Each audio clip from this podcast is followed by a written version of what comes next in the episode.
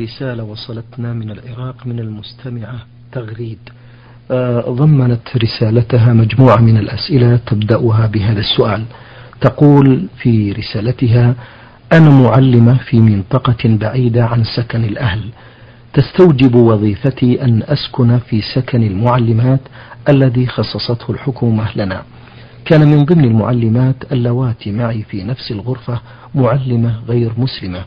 وهي تشاركني في الأكل والشرب وكذلك في ماء الغسيل لأننا نجلب الماء من الشاطئ ونخزنه فأنا أضطر في صلاة المغرب أن أتوضأ من هذا الماء لأنني أخاف الخروج ليلا إلى النهر وخاصة أن المنطقة ريفية وموحشة ليلا وبقيت على هذا الحال أربع سنوات. فهل صلاتي صحيحة؟ وأيضا هل معاشرتي لها صحيحة؟ أفيدوني بذلك. بارك الله فيكم. الحمد لله رب العالمين وأصلي وأسلم على نبينا محمد وعلى آله وأصحابه أجمعين. هذا السؤال تضمن سؤالين. السؤال الأول عن حكم استعمال الماء المخزن بينكما أي بين المرأة السائلة وبين من كانت معها وهي غير مسلمة فهذا الماء المخزن طاهر طاهر مطهر. وذلك لأن بدن الكافر ليس بنجس نجاسة حسية بل نجاسة الكافر نجاسة معنوية. لقول الله تعالى يا أيها الذين آمنوا إنما المشركون نجس فلا يقربوا المسجد الحرام بعد عامهم هذا. ولقول النبي صلى الله عليه وسلم لأبي هريرة إن المسلم لا ينجس.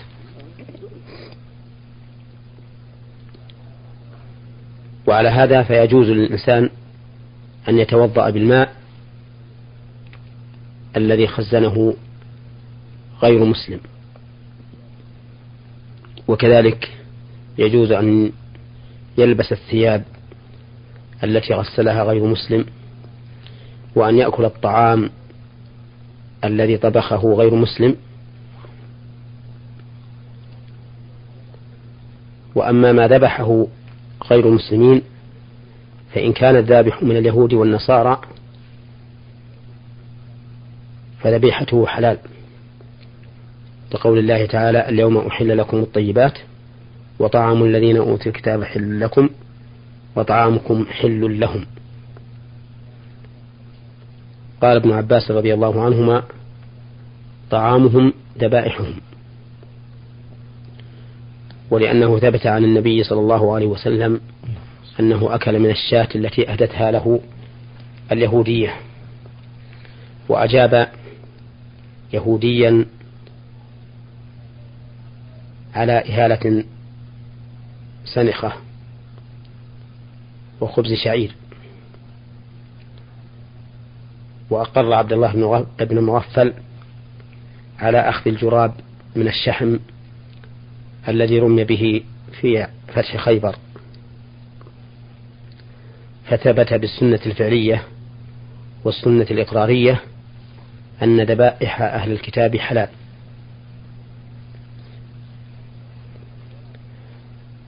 ولا ينبغي أن نسأل كيف ذبحوا ولا هل ذكروا اسم الله عليه أم لا. فقد ثبت في صحيح البخاري عن عائشة رضي الله عنها أن قوما قالوا يا رسول الله إن قوما يأتوننا باللحم لا ندري أذكر اسم الله عليه أم لا. فقال النبي صلى الله عليه وسلم سموا أنتم وكلوا. قالت وكانوا حديث عهد بكفر. يعني أنهم جديد الإسلام ومثل هؤلاء قد تخفى عليهم الأحكام الفرعية الدقيقة التي لا يعلمها إلا من عاش بين المسلمين. ومع هذا أرشد هؤلاء أرشد النبي صلى الله عليه وسلم هؤلاء السائلين إلى أن يعتنوا بأفعاله بفعلهم هم بأنفسهم فقال سموا أنتم وكلوا أي سموا على الأكل وكلوا وأما ما فعله غيركم ممن تصرفه صحيح فإنه يحمل على الصحة ولا ينبغي السؤال عنه لأن ذلك من التعمق والتنطع. ولو ذهبنا نلزم أنفسنا بالسؤال عن مثل ذلك لأتعبنا أنفسنا إتعابا كثيرا لاحتمال أن يكون كل طعام قدم إلينا غير مباح. فإن من دعاك إلى طعام وقدمه إليك فإنه من الجائز أن يكون هذا الطعام مغصوبا أو مسروقا ومن الجائز أن يكون ثمنه حراما ومن الجائز أن يكون اللحم الذي ذبح فيه لم يسمى الله عليه وما أشبه ذلك. فمن رحمة الله تعالى بعباده أن الفعل إذا كان قد صدر من أهله فإن الظاهر أنه فعل على وجه تبرأ به الذمة ولا يلحق الإنسان فيه حرج. ولا يلحق الإنسان فيه حرج. وأما ما تضمنه السؤال من المسألة الثانية والسؤال الثاني وهو معاشرة هذه المرأة الكافرة. فإن مخالطة الكافرين إن كان يرجى منها إسلامهم بعرض الإسلام عليهم وبيان مزاياه وفضائله فلا حرج على الإنسان أن يخالط هؤلاء ليدعوهم إلى الإسلام ببيان مزاياه وفضائله وبيان مضار الشرك وآثامه وعقوباته. وإن كان الإنسان لا يرجو من هؤلاء الكفار أن يسلموا فإنه لا لا يعاشرهم. لما تقتضيه معاشرتهم من الوقوع في الإثم فإن المعاشرة تذهب الغيرة والإحساس وربما تجلب المودة والمحبة لأولئك الكافرين. وقد قال الله عز وجل لا تجد قوما يؤمنون بالله واليوم الآخر يوادون من حاد الله ورسوله ولو كانوا آباءهم أو أبناءهم أو إخوانهم أو عشيرتهم أولئك كتب في قلوبهم الإيمان وأيدهم بروح منه. ومودة أعداء الله ومحبتهم وموالاتهم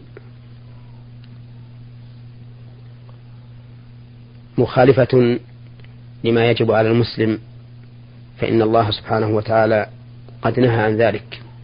فقال يا أيها الذين آمنوا لا تتخذوا اليهود والنصارى أولياء بعضهم أولياء بعض ومن يتولهم منكم فإنه منهم إن الله لا يهدي القوم الظالمين. وقال تعالى يا أيها الذين آمنوا لا تتخذوا عدوي وعدوكم أولياء تلقون إليهم بالمودة وقد كفروا بما جاءكم من الحق. ولا ريب أن كل كافر فهو عدو لله وعدو للمؤمنين. قال الله تعالى من كان عدوا لله وملائكته ورسله وجبريل وميكال فإن الله عدو للكافرين. فكل كافر فهو عدو الله. ولا يليق بمؤمن أن يعاشر أعداء الله عز وجل وأن يوادهم ويحبهم. لما في ذلك من الخطر العظيم على دينه وعلى منهاجه. نسأل الله للجميع الهداية والتوفيق والعصمة مما يغضبه. اللهم آمين. آه أيضا آه من رسائلها هذا السؤال. تقول آه واجهت في حياتي عدة مشاكل جعلتني أكره الحياة فكنت كلما أتضجر أتوجه إلى الله تعالى بأن يأخذ عمري بأقرب وقت وهذه هي أمنيتي حتى الآن لأنني لم أرى حلا لمشاكلي سوى الموت هو وحده يخلصني من هذا العذاب. فهل هذا حرام علي؟ أرشدوني أفادكم الله. الجواب إن تمني الإنسان الموت يضر نزل به وقوع فيما نهى عنه رسول الله صلى الله عليه وسلم حيث قال عليه الصلاة والسلام لا يتمنين أحدكم الموت لضر نزل به فإن كان لا بد متمنيا فليقل اللهم أحيني ما علمت الحياة خيرا لي وتوفني إذا علمت الوفاة خيرا لي. فلا يحل لأحد نزل به ضر أو ضائقة أو مشكلة أن يتمنى الموت بل عليه أن يصبر ويحتسب الأجر من الله سبحانه وتعالى وينتظر الفرج منه. لقول النبي صلى الله عليه وسلم واعلم أن النصر مع الصبر وأن الفرج مع الكرب وأن مع العسر يسرا. وليعلم المصاب بأي مصيبة أن هذه المصائب كفارات لما حصل منه من الذنوب. فإنه لا يصيب المرء المؤمن هم ولا غم ولا أذى إلا كفر الله به عنه حتى الشوكة يشاكها.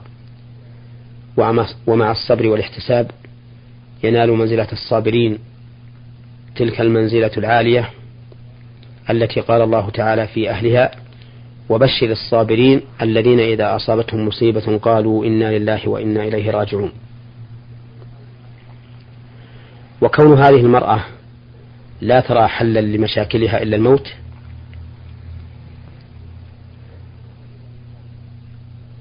أعتبر أن ذلك نظر خاطئ فإن الموت لا تنحل به المشاكل بل ربما تزداد به المصائب. فكم من إنسان مات وهو مصاب بالمشاكل والأذايا ولكنه كان مسرفا على نفسه لم يستعتب من ذنبه ولم يتب إلى الله عز وجل فكان في موته إسراع لعقوبته. ولو أنه بقي على الحياة ووفقه الله تعالى للتوبة والاستغفار والصبر وتحمل المشاق وانتظار الفرج لكان في ذلك خير كثير له. فعليك أيتها السائلة أن تصبري وتحتسبي وتنتظري الفرج من الله عز وجل. فإن الله سبحانه وتعالى يقول في كتابه فإن مع العسر يسرا إن مع العسر يسرا. والنبي صلى الله عليه وسلم يقول فيما صح عنه واعلم أن النصر مع الصبر وأن الفرج مع الكرب وأن مع العسر يسرا. والله المستعان. أيضا في رسالتها هذا السؤال تقول إنني شابة مسلمة دخل الإيمان في قلبي منذ صغري لأنني نشأت في عائلة حافظة ومتدينة أؤدي الصلوات بأوقاتها ولا أخطو خطوة واحدة إلا وضعت الله أمام عيني. وأفكر كثيرا مع نفسي في يوم الحساب وأخاف من عقاب الله. ومع ذلك لم ألبس الحجاب. مع أنني دائما أفكر بلبس الحجاب مستقبلا. فهل جزائي في الآخرة هو النار؟ أرشدوني أفادكم الله.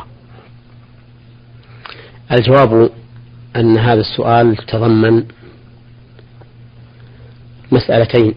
المسألة الأولى ما وصفت به نفسها من الاستقامة على دين الله عز وجل لكونها نشأت في بيئة صالحة.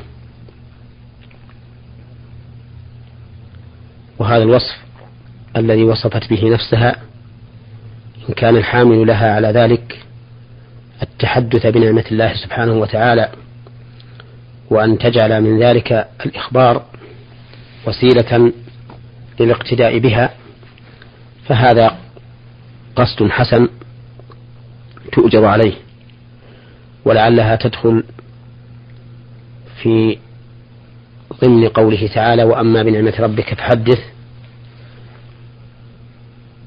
وقول النبي صلى الله عليه وسلم من سن في الإسلام سنة حسنة فله أجرها وأجر من عمل بها إلى يوم القيامة. وإن كان الحامل لها على ذلك تزكية النفس والإطراء والإدلال بعملها على ربها فهذا مقصود سيء خطير ولا أظنها تريد ذلك إن شاء الله تعالى. أما المسألة الثانية فهي تفريطها في الحجاب كما ذكرت عن نفسها وتسأل هل تعذب على ذلك بالنار في الآخرة؟ والجواب على ذلك أن كل من عصى الله عز وجل بمعصية لا تكفرها الحسنات فإنه على خطر. فإن كانت شركا وكفرا يخرج عن الملة فإن العذاب محقق له لمن أشرك بالله وكفر به.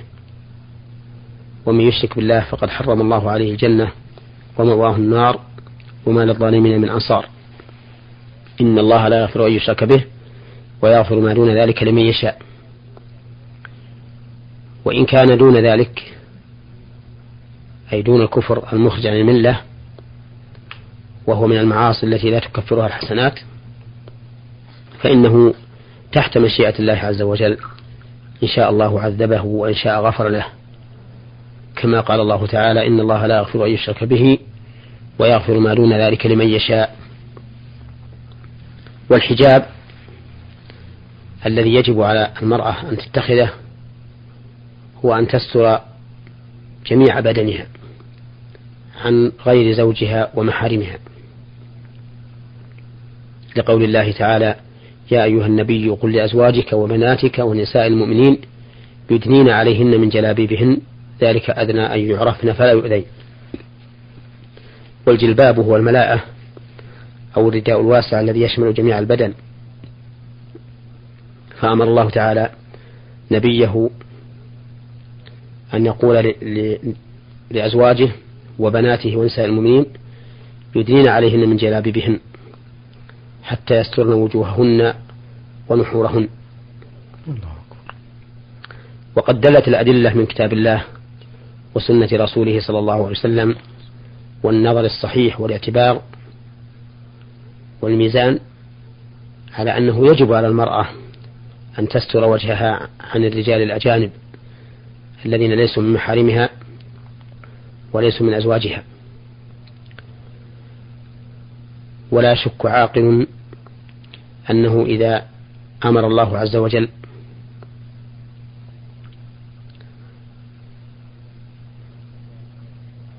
بل ولا يشك عاقل أنه إذا وجب على المرأة أن تستر رأسها وأن تستر رجليها وأن لا تضرب برجليها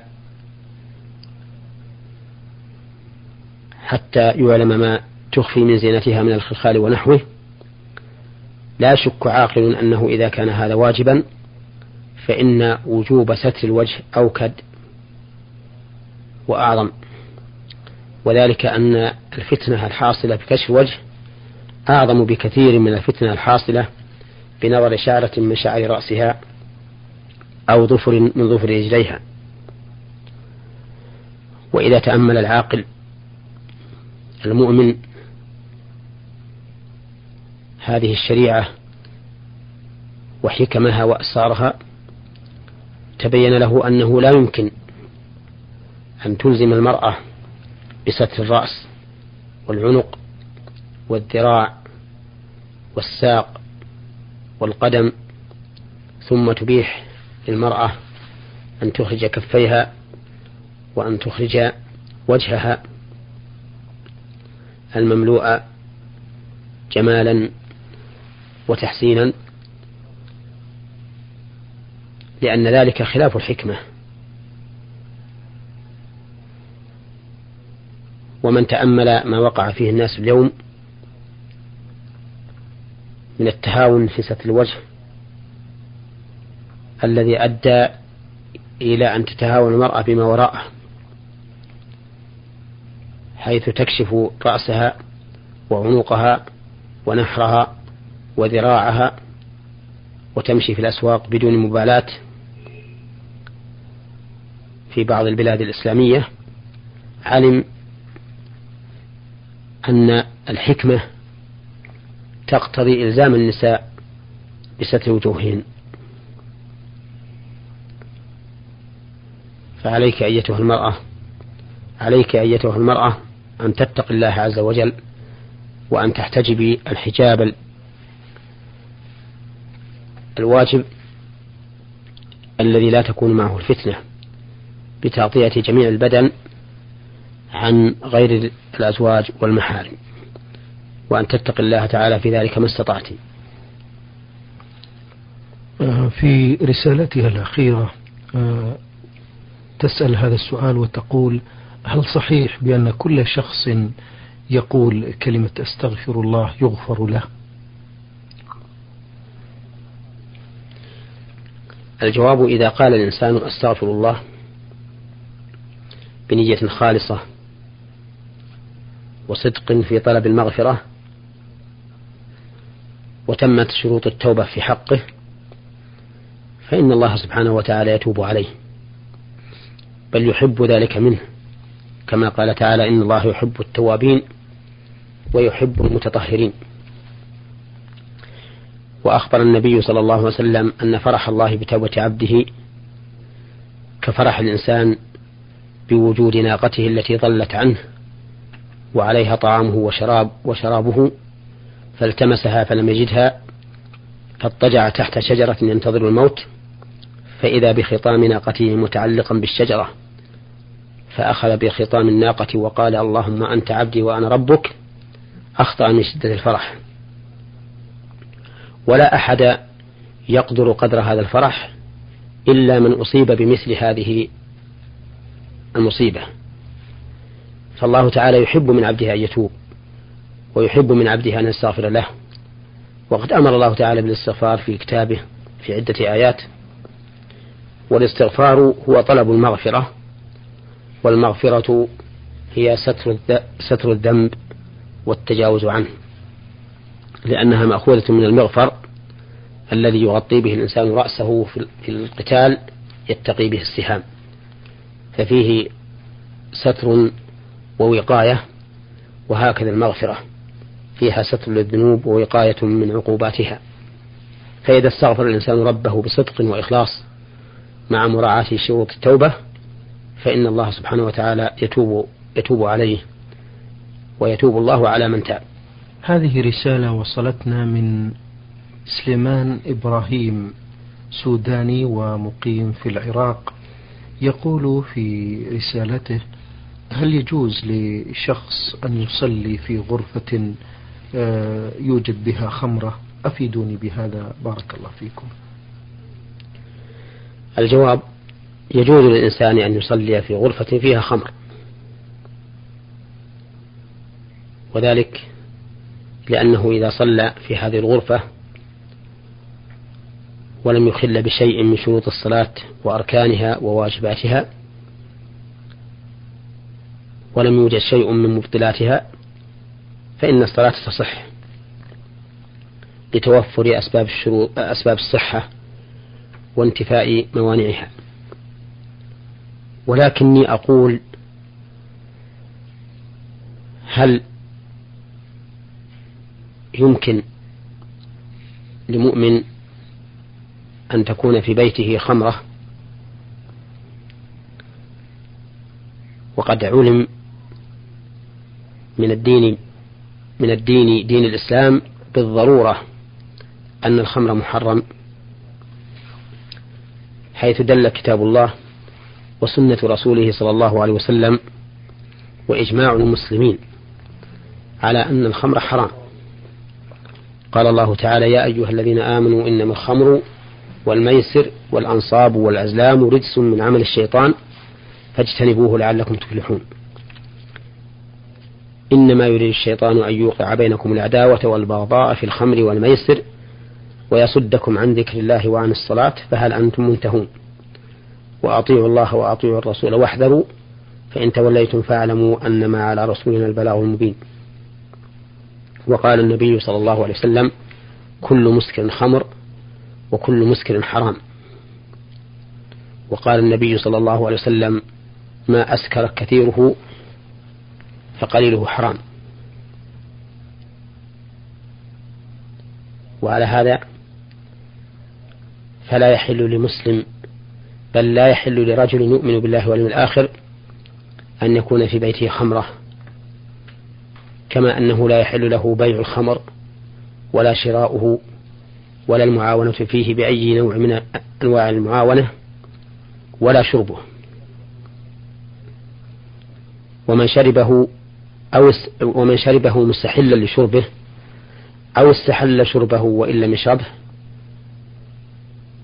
فإنه يكفر كفرا مخرجا عن الملة إذا كان ممن عاش بين المسلمين لأنه أنكر تحريم ما علم بالضرورة من دين الإسلام تحريمه.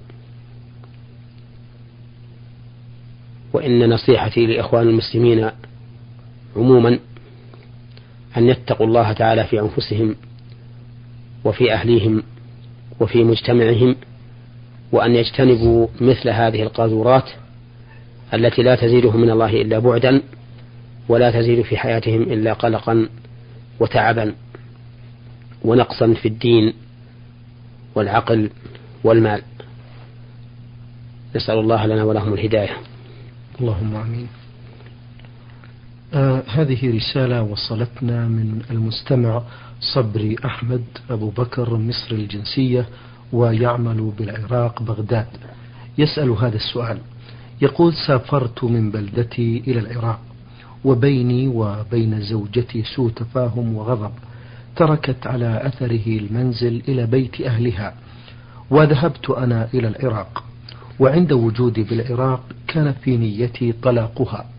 وفعلا قمت بعمل توكيل لأحد أقاربي بطلاقها ولكن بعد تفكير وتردد في إرسال التوكيل وبعد مضي آه، سنتين من البعد هل تصبح هذه الزوجة مطلقة بعد عودتي حيث كان في نيتي أن أطلقها؟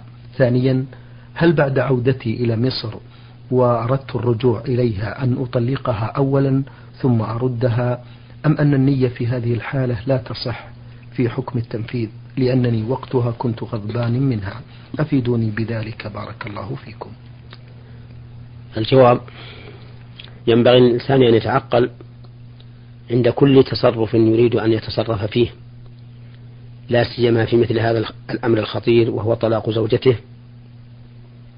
فلا يقدم على شيء إلا وقد تأمل نتائجه. ونظر ماذا يحصل فيما لو أمضى هذا التصرف. والسائل ذكر أنه عزم على أن يوكل أحدا في طلاق زوجته.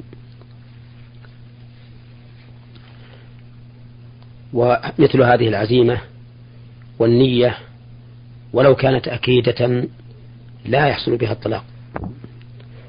لأن الطلاق لا يحصل إلا بالتلفظ به. لأن الطلاق لا يحصل إلا من إلا بعد التلفظ به من الزوج أو من وكيله. وحسب سؤال السائل لم يحصل التلفظ لا منه ولا ممن أراد أن يوكله. وعلى هذا فالزوجة في عصمته لا تزال باقية ولا يحتاج أن يطلقها إذا رجع إلى مصر لأن سبب الطلاق الذي هو سوء التفاهم أو الغضب الذي حصل منه قد زال فلا حاجة إلى أن يطلقها بل هي في عصمته.